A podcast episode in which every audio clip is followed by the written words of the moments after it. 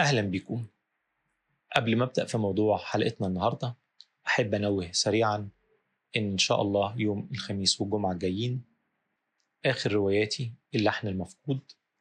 إن شاء الله هتبقى مجانية على منصة Amazon Kindle. واللي ما يعرفش Amazon Kindle دي منصة ليها application سواء على iOS أو Android أو طبعا اللي عندهم الجهاز ذات نفسه جهاز ال Kindle بتنزل التطبيق ويكون لك account على Amazon dot com عن طريقه. بعد ما تدخل يوم الخميس أو الجمعة هتلاقي الرواية موجودة مجانية وتقدر تنزلها وتقراها على هاتفك المحمول أو على التابلت لو بتقرأ من على التابلت. هسيب إن شاء الله ال link للرواية في الوصف وفي التعليقات على الفيسبوك وعلى اليوتيوب. شكرا ويلا بينا نبدأ حلقتنا.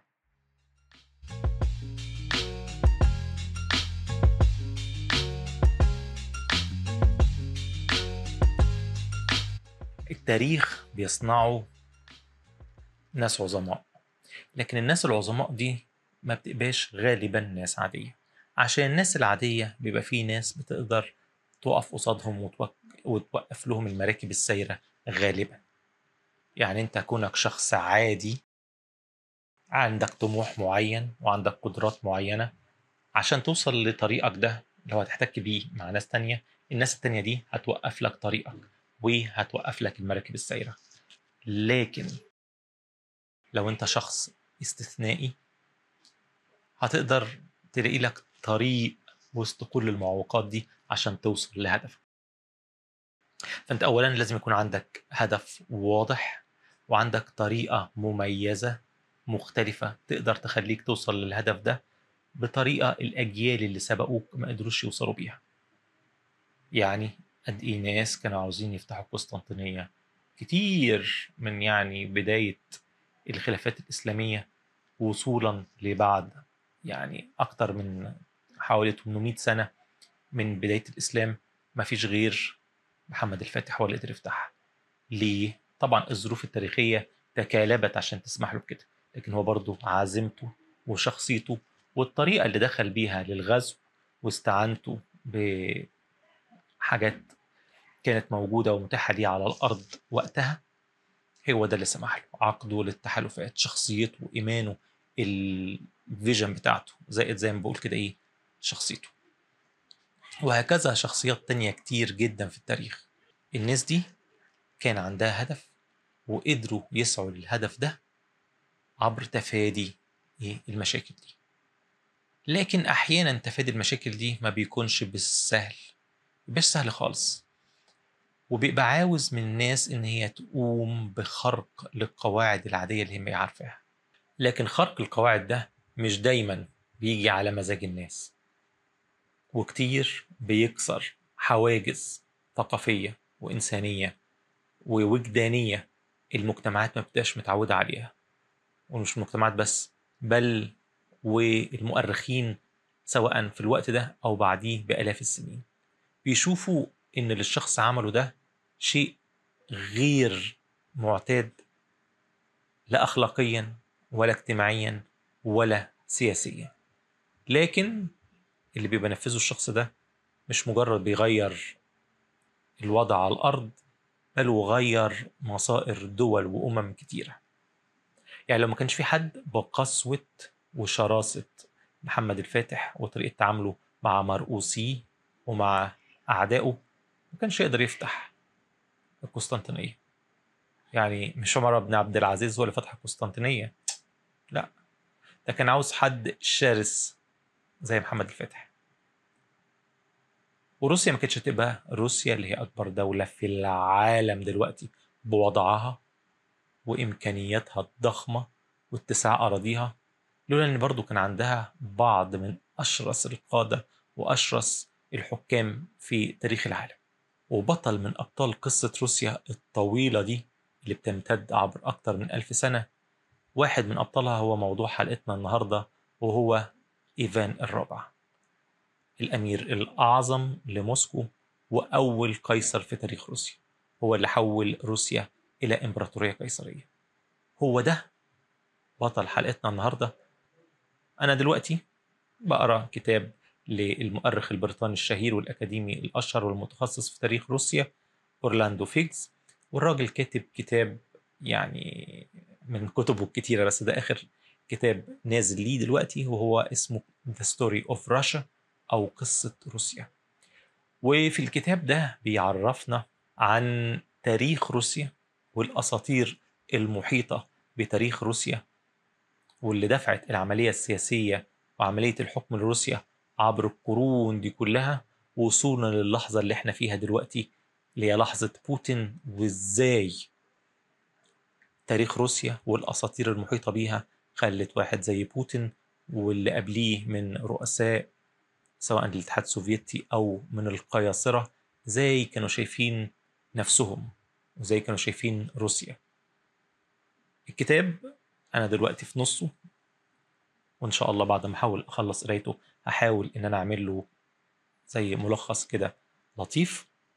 review لي استعراض للمعلومات وتغطية للمواضيع اللي فيه. طبعا بإيجاز يعني. والراجل أورلاندو فيجس ده كاتب يعني من الطراز الرفيع يعني متخصص في تاريخ روسيا لكن كتابته مش مشوقة قوي زي كتابات ناس تانيين. لكنه يتسم بالحيادية والموضوعية وبيشرح الموضوع كويس ومرتب. لكن أورلاندو فايجز الخبير الأول أو الأشهر للتاريخ الروسي بيقدم لنا وجبة دسمة. بيورينا إن إزاي العرق بتاع الروس دوره في تكوين روسيا لا يزيد عن أهمية الدور الديني. إن روسيا من بداية إنشائها وهي دولة دينية بامتياز. ما تفرقش حاجة أو صورتها تتشابه وتتقاطع كتير مع إنشاء الدولة البيزنطية. بل وده طبعا معلومة ناس كتير اللي قروا في تاريخ روسيا ولو حتى سريعا يعرفوا إن موسكو اللي هي بقى العاصمة المقدسة لروسيا مش أول عاصمة ليها طبعا أول عاصمة طبعا كان كيف اللي آه روسيا دلوقتي بتحاول تحتل أوكرانيا وكان نفسهم ياخدوا كيف دي, دي كانت مهمة جدا. هي بداية روسيا كانت من كيف آه اللي هم روس كيف أو اختصارا كان اسمهم ساعتها راس اللي هو الإيه راس كيف هم دول البداية بتاعت آه دولة روسيا وكيان روسيا. بدايتهم كان إن كان في واحد اسمه فلاديمير. ده هو والعيله بتاعته والنسل بتاعه هم اللي هيعملوا روسيا بعد كده. وأغلب الأقوال إن هم طبعا من أصول فايكنج يعني إسكندنافية وهم اللي وحدوا قبائل السلاف اللي كانوا يعني في حالة من العشوائية أو الديمقراطية البدائية. هو جه جمعهم وعمل لهم دولة في كيف وبعد كده هو طبعا أجيال من الفايكنج كانت هم اللي بتحكموها بعد كده يجي فلاديمير ده وقرر إن هو يعتنق المسيحية وأسطورة اعتناقه المسيحيه دي تم سردها في كتب نساك روس بعد وفاته يعني بثلاث قرون ولا حاجة. وفكرتها كده باختصار يعني حتى مش أكيد القصة يعني. بس إن هو الراجل قال إن لأ لازم يبقى بلدنا دي ليها دين وليها نظام سياسي عشان نتحول لدولة مش مجرد كده حتة على هامش العالم. فقال الديانات اللي موجودة حواليا اليهودية والمسيحية والإسلام فاستقبل ناس ممثلين لكل الديانات الموجودة. جالوا يهود من المملكة الخزرية ما عجبوش الدين اليهودي طلب من المسلمين والمسلمين جولوا منين؟ ده شيء لطيف من بلغاريا. يعني حتى من زمان شوف إحنا بنتكلم دي حوالي في القرن العاشر 900 جالوا ممثلين من بلغاريا مسلمين. سمع الدين الإسلامي بس ما عجبوش إن هو بيمنع الخمر يحرمه تماما. قال لك لا إحنا بنحب نشرب الخمر. وبعد كده جالوا ممثلين المسيحيين جالوا اتنين ممثلين. ناس من روما البابوية وناس من الدولة البيزنطية من القسطنطينية. ما عجبوش الدخلة بتاعت الطليان من روما. أما بقى البيزنطيين اللي كانوا هم الإمبراطورية المسيحية الأهم في الوقت ده قالوا له لا إحنا مش هنكلمك كده أنت تجيلنا إحنا. والراجل بقى اللي هو فلاديمير راح بالوفد بتاعه ودخلوا وانبهروا بالمدينة بقى الإمبراطورية العريقة المقدسة اللي هي القسطنطينية ودخلوا أيا صوفيا وانبهروا بجمال عمر العمارة بتاعتها وبالطقوس المسيحية المذهلة بقى وأناشيد دينية وطقوس إيه سوفيستيكيتد راقية. فقال لك لا خلاص إحنا هنمشي ورا الناس دي وهو اعتنق المسيحية الأرثوذكسية الشرقية وخد بلده كلها كل المواطنين بتوعه وأجبرهم على اعتناق المسيحية دي. ودي بداية روسيا. فهي بداية سلافية مسيحية شرقية. وصولا للنقطة الأهم بقى تكوين روسيا الحديثة إن بقى يعني عبر يعني تغييرات كبيرة. إن شاء الله ابى أتطرق لها كده سريعا في الكتاب. الدولة الروسية الوليدة دي هي هتبقى إيه عبارة عن مجموعة من الأمراء والأمراء دول إيه بيتنازعوا الحكم ما بينهم لغاية لما يجي المغول ويسيطروا على المنطقة كلها ويحتلوها ويبقى كل الروس تحت سيطرة الخاقانات المغول اللي هم طبعا بعد كده إيه هيعتنقوا الإسلام.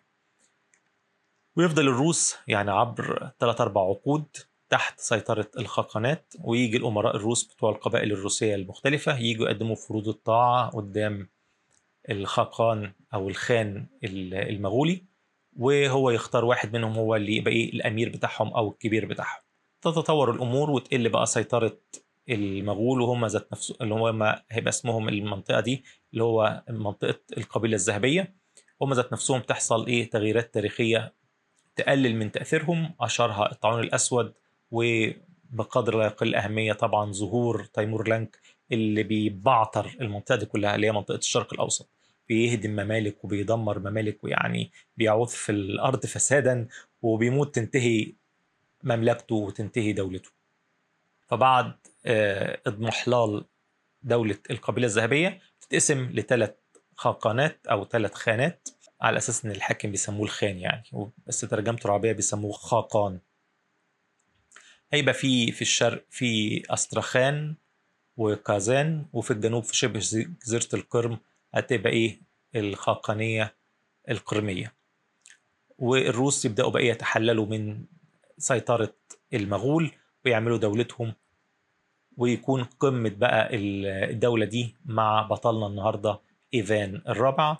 جدوده وآبائه قدروا يكبروا المركز بتاعهم في موسكو وتتحول موسكو تحتيهم إلى مدينة مقدسة ويبدأ ترويج أسطورة روما الثالثة خصوصا بعد احتلال العثمانيين للقسطنطينية والقضاء على الإمبراطورية البيزنطية في 1453 روسيا بقى وموسكو تقول لك إحنا روما الثالثة والأخيرة. يعني في أجواء كده عالم يوم القيامة وإن يوم القيامة قرب يقول لك والله روما الأولى وقعت اللي هي الإمبراطورية الرومانية الأصلية والإمبراطورية الرومانية الثانية اللي هي بيزنطة وقعت فإحنا روما الثالثة والوحيدة اللي هتبقى هم وقعوا عشان ذنوبهم. إحنا لازم ما يبقاش في عندنا ذنوب ونبقى الأمة المخلصة الطاهرة. فمن بداية بقى إنشاء الإمبراطورية الروسية تحت إيفان الرابع وهو ده مسماها وهو ده هدفها إن إحنا دولة مقدسة مؤمنين ناس بتوع ربنا. وجزء بقى من الهيلمان أو المنظر ده كله في القيصر بتاعها. شاب عنده 16 سنة لكنه اتربى تربية مش مش طبيعية. اللي هو ايفان الرابع بتاعنا ده اللي هيبقى اسمه ايفان الرهيب في كتب التاريخ. ده أبوه الملك اللي قبليه أو كان ما كانتش لسه مملكة الأمير الأكبر أو الدوق. لما مات كان إيفان عنده ثلاث سنين بس. أمه راعته لكن كان في بقى صراع ما بين الأمراء الروس التانيين والست اتسممت أغلب الظن وماتت وبقى الطفل الصغير ده أسير اسره وتحت تأثير يعني زي إيه نقدر نقول إيه تحالف من الأمراء. كل واحد إيه يزقه يمين يزقه شمال. والولد وهو طفل صغير ما يعني ما طلعش من اللفة يبدأ يتعلم السياسة والعالم القاسي بتاع الحكم. وعلى سن 13 سنة 13 سنة وقت في الإعدادية. يبدأ يكون تحالفات ويخلص من أول أعدائه من الأمراء دي. وعلى سن 16 سنة يكون فعلا بدأ يسيطر وياخد بقى الحكم في إيده. مفيش بقى ولاية من الأمراء من مجلس الأمراء دول ويبقى هو الحاكم الأكبر أو الدوق وما يكتفيش بكده. أنت يا ابني 16 سنة يقول لك لا.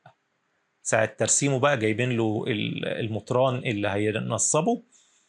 قال له أنا مش هتعين دوق أكبر ولا أمير. هتعين قيصر ويتم الموافقة ويتم تعيينه قيصر وسط أجواء كنسية ودينية كبيرة مفعمة. ويتم تأليف ليه بقى تاريخ بقى مقدس كبير. يتم تتعمل له شجرة عيلة تبين إن أصله وأصل عيلته اللي هي يمتد لفلاديمير اللي عملهم سنة في التسعميات. يمتد بقى التاريخ بتاعه للأسرة والإمبراطورية البيزنطية. يخلوه كمان وريث الإمبراطورية البيزنطيه عشان يبقى هو فعلا إمبراطور روماني مقدس. بل ويمدوا أصله كمان بقى إيه هينطلقوا أكتر. ويوصلوا نسله للإمبراطور اوغسطس اللي هو أول إمبراطور وأول قيصر لروما. يعني خلاص بقى الورق ورقنا والدفاتر دفاترنا هنخليك من آل البيت يا سيدي. أنت من آل البيت الروماني وأنت نسل أباطرة في أباطرة وإمبراطور. وعلى طول بقى الولد اللي اتربى تربية قمة القسوة وقمة إيه إيه تحت ضغط كبير جدا اللي اتعلم أصول الحكم تحت أشد الظروف قسوة يتحول إلى ملك شرس. وعلى طول من بداية حكمه يبدأ في غزواته. كان في وقت أبوه وجده كانت موسكو كبرت من مدينة صغيرة ليها محيط ليها. إيه تتضاعف ثلاث أضعاف المملكة بتاعتها وبين يبدأوا يدوروا على أول أعدائهم يخشوا على أهم أعدائهم. قلنا مين اللي كانوا مسيطرين عليهم؟ وبعد كده تحللوا من حكمهم وعاوزين بقى ينتقموا منهم دلوقتي إيه المغول المسلمين أو التتار المسلمين. يبدأ يختار إيه أضعف واحدة فيهم. هيخش على كازان يحاول أول يقارها ما يقدروش يتهزموا يرجعوا خمس سنين يعملوا جيش جديد ويستخدموا التكنولوجيا الجديدة اللي العثمانيين كانوا بيستخدموها بقالهم شوية اللي هي البارود وأدوات الحصار ويستعينوا بناس من أوروبا يجي خبراء هولنديين يفجروا لهم أسوار مدينة كازان ويخشوا يحتلوها ويعوثوا فيها فسادا. ويرجعوا بقى طبعا موسكو فرحانين بأول انتصار للروس على المسلمين. ويطلب على طول إيفان الرابع من بطريرك القسطنطينية يقول له خلاص أنا هو راجل حققت انتصارات تانية للمسيحيين الشرقيين نصبني من عندك إمبراطور. وبناء على طلبه بيتم فعلا تنصيبه من الكنيسة بقى اللي هي الأهم المركز بقى الكنسي في القسطنطينية يتم تنصيبه كإمبراطور فعلا والكنيسة الأرثوذكسية الشرقية تعترف بيه. بعد أما يخلص من كازان يطلع برضو على أسترخان ويحتلها. في الوقت ده طبعا بقى النشوة المسيحية طبعا عالية جدا وتبدأ عملية تنصير شرسة. الكنيسة بقى في موسكو يقول لك لا الناس دي بقى إحنا إيه هننصرهم ونعمل زي ما بيحصل إيه في أوروبا زي ما حصل في الأندلس. تحصل عمليات إيه تنصير كاملة وإلا مش عاجبهم نطردهم ونخرجهم بره المنطقة دي. في الأول هيتحمس ويبقى موافق إيفان الرابع عشان هو كان شخصية متدينة جدا ومؤمن فعلا بمسؤوليته الدينية. والصورة المرسومة زيها زي في الغرب بس أشد شراسة من الغرب اللي هي إن الملك بروحين ملك يحكم الدنيا وملك ممثل للإله ممثل لربنا فهو اتنين في بعض.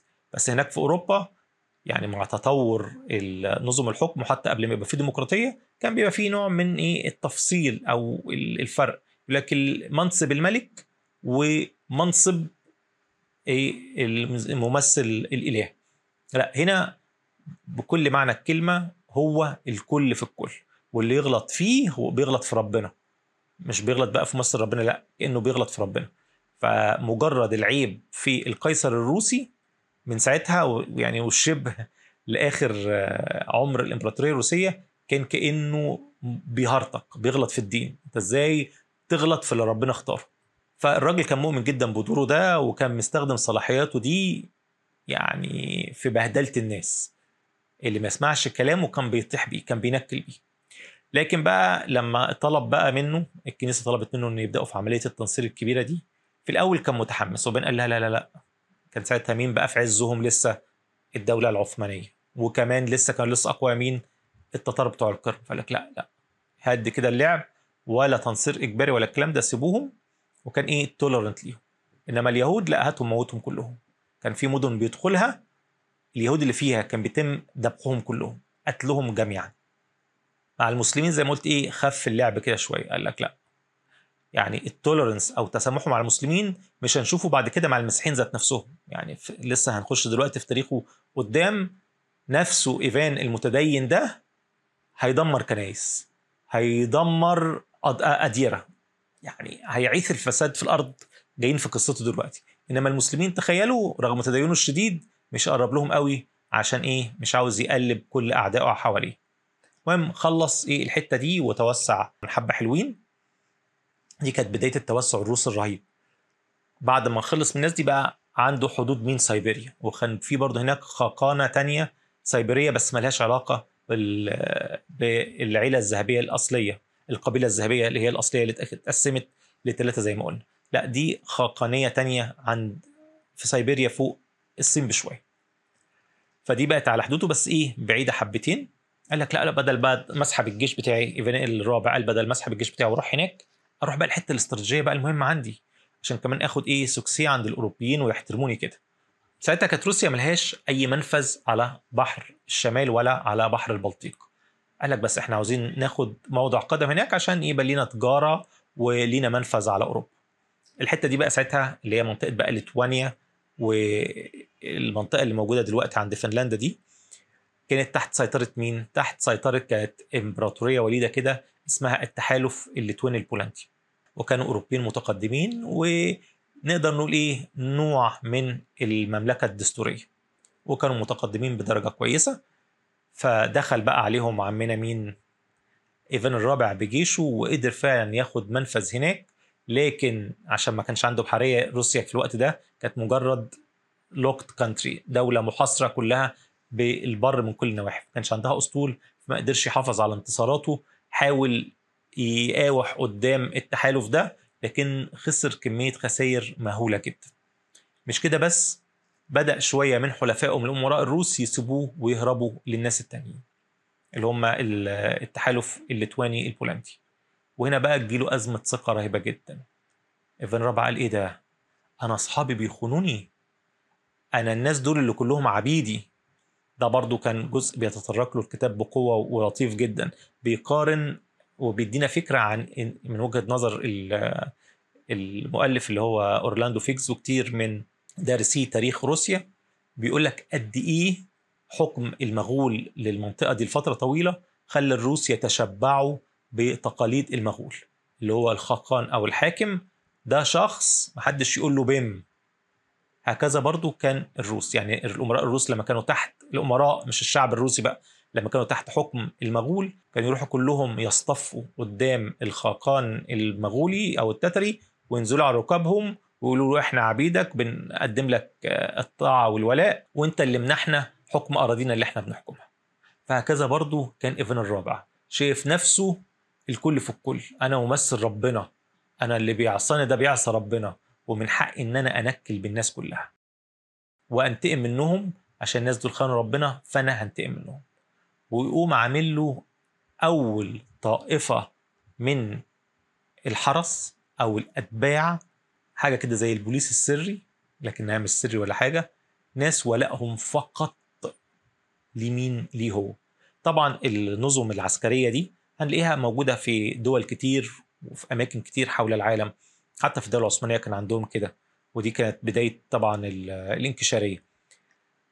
لكن بقى ده ما عملهمش عشان يحموه ولا يبقوا بوديجاردات ليهم لا. دي كانت فرق انتقام.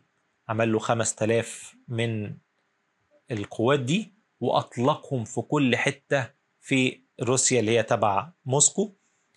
القيصرية الروسية اللي عاصمتها موسكو ينطلقوا ينتقموا من كل أعداء ومن كل أتباع القيصر اللي شكك في ولائهم أو اللي ما أدوش كويس في الحرب. كانوا يخشوا يدبحوا الناس في المدن. العائلات حد خانه أو حد ما أداش كويس في الحرب أو حد شكك فيه يروح يبيدوا أهله كلهم.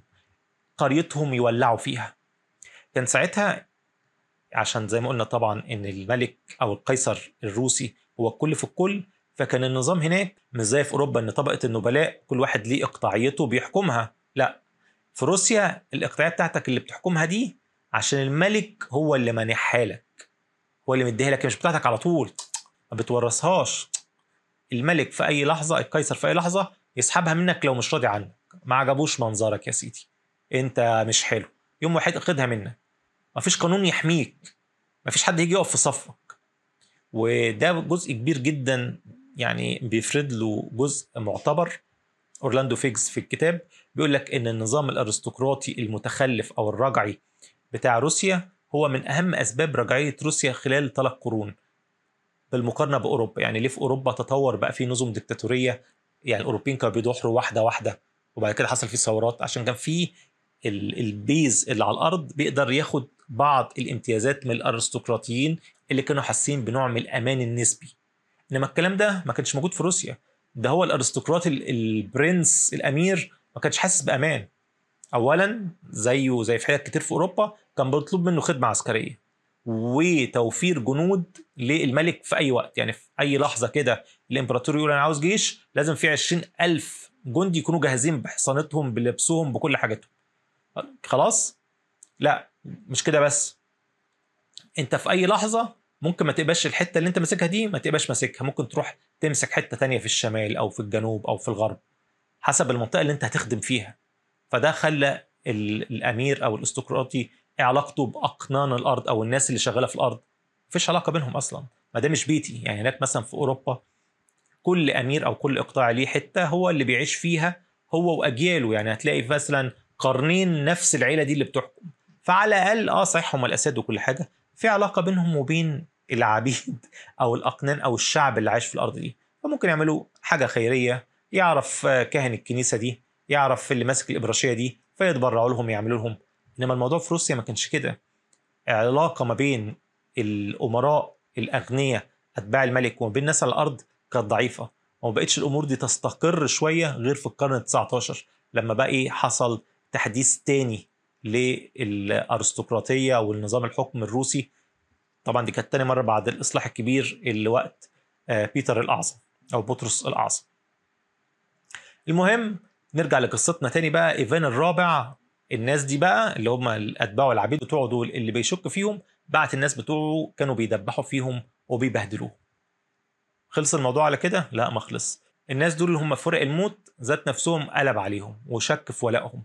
وراح خلص عليهم مراخرين وموتهم. وهكذا طول حياته حالة من الشك والشك يؤدي للعنف والعنف يؤدي للتقتيل. فخسائر مهولة جدا بشرية وفي الأرواح وفي كل حاجة. راجل بس يحسب له والناس تفتكر له من ساعتها إن هو اللي أدى للتوسع الكبير بتاع الإمبراطورية الروسية. حتى الحتت اللي ما قدرش يغزوها زي ما قلنا سيبيريا كده سلط عليها أتباعه. يعني كان في عائلات غنية أشهرها عائله ستروجانوف. دول كانوا هم المستكشفين بتوع سيبيريا كانوا بيجيبوا ناس مرتزقة منهم معظمهم مجندين بال Cossacks. Cossacks دول برضو كانوا مرتزقة. بدايتهم كانت من جيوش تيمور لنك بعد ما انهار بعضهم أوكرانيين بعضهم روس بعضهم مغول. كلهم اتجمعوا مع بعض وكانوا بيعيشوا في الغابات. يعني بيعيشوا إيه من السلب والنهب. وبتأجر خدماتهم. الليتوانيين والبولنديين يأجروهم شوية الروس يأجروهم شوية وهكذا. فجت العائلات الغنية في روسيا أشهرهم عائلة ستراجونوف اختاروا لهم قائد كده وخد ناس من الكوزاك دول وبدأوا يغزوا مناطق سيبيريا وخدوها بعد مثلا طبعا تحت حكم بقى القيصر الروس بعد كده بعد 15 20 سنة. حتى الروس في تاريخهم بيعتبروا الاستكشافات دي زي استكشافات أمريكا الشمالية وأمريكا الجنوبية. يعني فالناس في روسيا بيفتكروه الجزء الإيجابي اللي فيه على إن هو الراجل اللي كبر لهم إمبراطوريته. وطبعا الروس المتدينين الأرثوذكس برضه بيشوفوا إن هو زي إمبراطور مقدس نشر الديانة الأرثوذكسية ومدد الملك المسيحي الروسي الأرثوذكسي في المنطقة دي من أوروبا ومن آسيا. وطبعا كجزء بقى طبعا قومي إن هو اللي حقق لهم أول انتصاراتهم على المسلمين في المنطقة دي. طبعا بعد كده انتصارات روسيا هتكمل مش بس ضد التتار بل وضد الدولة العثمانية ذات نفسها. لكن كل دارسين التاريخ شايفين إن الراجل ده كان سفاح مجرم. يعني كانت إيده طرشة يمين وشمال بيبهدل الناس كلها ما بيرحمش حد. بل وابنه ولي العرش بتاعه قتله. قتله قتله إزاي؟ في نوبة غضب. داخل مرة كده بيعدي فشاف عدى على المكان اللي بيقعد فيه ابنه فدخل لقى مراته مش لابسة لبس كويس في في هدوم البيت يعني هدوم كانت كاشف فدخل ضربها. فابنه جاي يدافع عنها راح ضربه على دماغه راح موته في ساعتها. وده دخل روسيا بعد كل التوسعات والفتوحات بتاعته دي في أزمة عرش ضخمة أدت لحرب أهلية طويلة دامت 30 سنة بعد إيفان الرابع ده ما مات. ليه؟ عشان ابنه ده هو كان اللي مجهزه للحكم اللي كان فاضل وراه يا دوبك ابن كده كان قدراته العقلية على قدها وطفل عنده ثلاث سنين. فحصل نوع من المنافسة بعد ما هو مات أدت ليه؟ للحرب الأهلية دي. فالعصر الحديث لما يبص لإيفان الرابع والمؤرخين في العصر الحديث لما يبصوا له يبصوا له بنوع من الكراهية والاستحقار. لكن دي ما كانتش الصورة بتاعته طول ما كانت روسيا قيصرية. بل بالعكس إحنا بنقول اسمه إيه؟ إيفان الرهيب. والرهيب دي نتخيل إن معناها لما تم اطلاقها عليه الرهيب اللي هو الوحش. لا ساعتها ما كانش كده. لا كان الرهيب يعني المحترم بقى اللي الناس بتخافه اللي ليه هيبة. انها بعد كده بقت الرهيب أي الرهيب في أفعاله وفي إجرامه. ولو حد ياخد باله بقى طول السرد اللي أنا عمال اسرده لقصة إيفان الرابع دي يحس إن هي بتتقاطع مع قصة واحد تاني في روسيا في العصر الحديث. مين مين؟ ستالين طبعا. ستالين عمل كل اللي عمله إيفان الرابع ده بس اضرب مثلا في 2 3 إكس. كل اللي عمله ده ستالين قرره ممكن تبقوا ترجعوا للحلقات اللي كنت عملتها عن فرسان الثورة البلشفية بالذات حلقة ستالين. الراجل عمل كل الجرائم اللي عملها إيفان بالملي. توسع وكبر اتحاد سوفيتي زيه انقلب على أتباعه ودبح فيهم وفرق القتل اللي عملها انقلب عليها ودبحها وقتلها. يعني صورة متشابهة جدا. لدرجة إن المخرج الروسي العبقري إيزنستين لما عمل فيلم عن إيفان الرابع كان هدفه الأساسي إنه قال إيه؟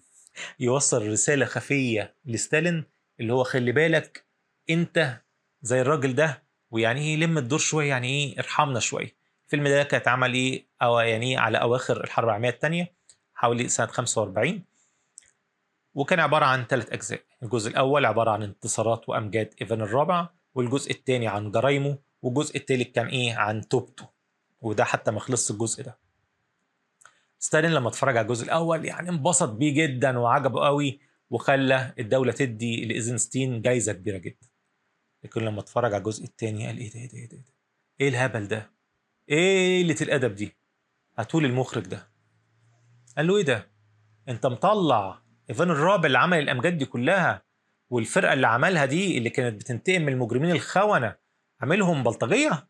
عاملهم زي الكو كلوكس كلان اللي ما يعرفش كو كلوكس كلان دي دي كانت جماعات white supremacy أو ناس عنصريين جماعات عنصرية ظهرت في الولايات المتحدة الأمريكية بعد الحرب الأهلية كانت اتعملت كده من الناس اللي انهزموا. هدفهم الأصلي كان إيه؟ قتل السود والانتقام من الحكومة الفيدرالية. الضباط والموظفين اللي تابعين للحكومة الفيدرالية. اللي هو ناس إيه؟ حثالة الأرض يعني ناس عنصريين مجرمين. فستالين بيقول له إيه ده؟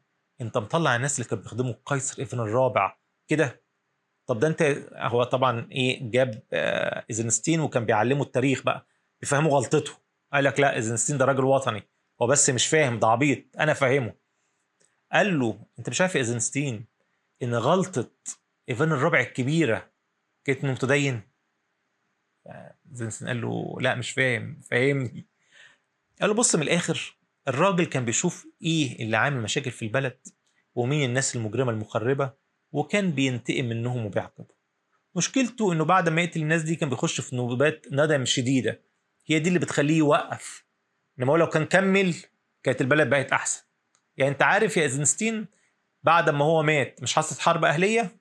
أهو لو كان هو راجل رادع بما فيه الكفاية كان رؤوس القبائل اللي فاضلة دي أو الأمراء اللي فاضلين دول لو كان دبحهم الأول ما كانش بقى في حرب أهلية بعد ما مشي.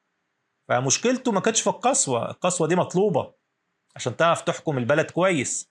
المشكلة في تصديق الخرافات الدينية والندم والكلام ده. وطبعا بعد كده طبعا ستالين مات والمخرج مات وبعد ما مات بفترة طويلة في فترة الانفتاح القصيرة وقت خرشوف الفيلم اتعرض. فزي ما قلت في الأول الإنجازات الضخمة اللي بتحصل في تاريخ الإنسانية ما بيعملهاش الأشخاص العاديين الناس الطيبين الناس المحترمين. مش عمر بن عبد العزيز اللي بيغير التاريخ اللي بيغيروا معاوية محمد الفاتح الظاهر بيبرز الناس اللي عندهم قدر واستعداد للقسوة والعنف والتنكيل بالآخر. إنما الأشخاص الطيبين يعني عندهم ضمير وعندهم إيه خوف من ربنا وخوف من آه، شيل الوزر وشيل الدم الناس دول مش هم اللي بيغيروا التاريخ. اللي بيغيروا التاريخ هو تبقى الناس اللي إيه اللي قلبها ميت اللي سيفهم سابق. للأسف يعني.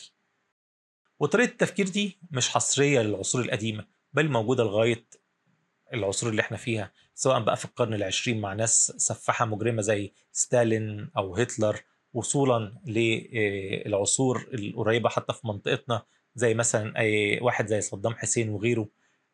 وصولا للنجم الكبير دلوقتي طبعا بوتين وانطلاقه وضربه بعرض الحائط بكل الأعراف الدولية أو التحالفات أو التوازنات اللي موجودة في العالم متخيل إن هو بالقلب الميت والضربة الحديدية هيقدر يصنع لنفسه ولروسيا مجد جديد.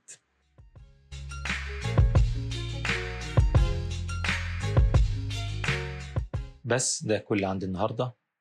قبل ما أسيبكم أحب أنوه تاني عن إن اللحن المفقود روايتي الأخيرة هتكون متاحة مجانية على منصة امازون كيندل يوم الخميس والجمعه والرابط هيكون في التعليقات. ويكون لطيف بعد ما تقروا الرواية ان أسمع آرائكم فيها سواء على صفحتي على الفيسبوك أو على موقع جودريدز أما بخصوص الحلقة كالعادة في انتظار آرائكم ومقترحاتكم وتصحيحاتكم لو في أي أخطاء في المعلومات فيها. لو عجبتكم الحلقة اللايك اشتركوا في القناة عشان توصلكم الحلقات الجديدة أول بأول. وأشوفكم على خير المرة الجاية. مع السلامة.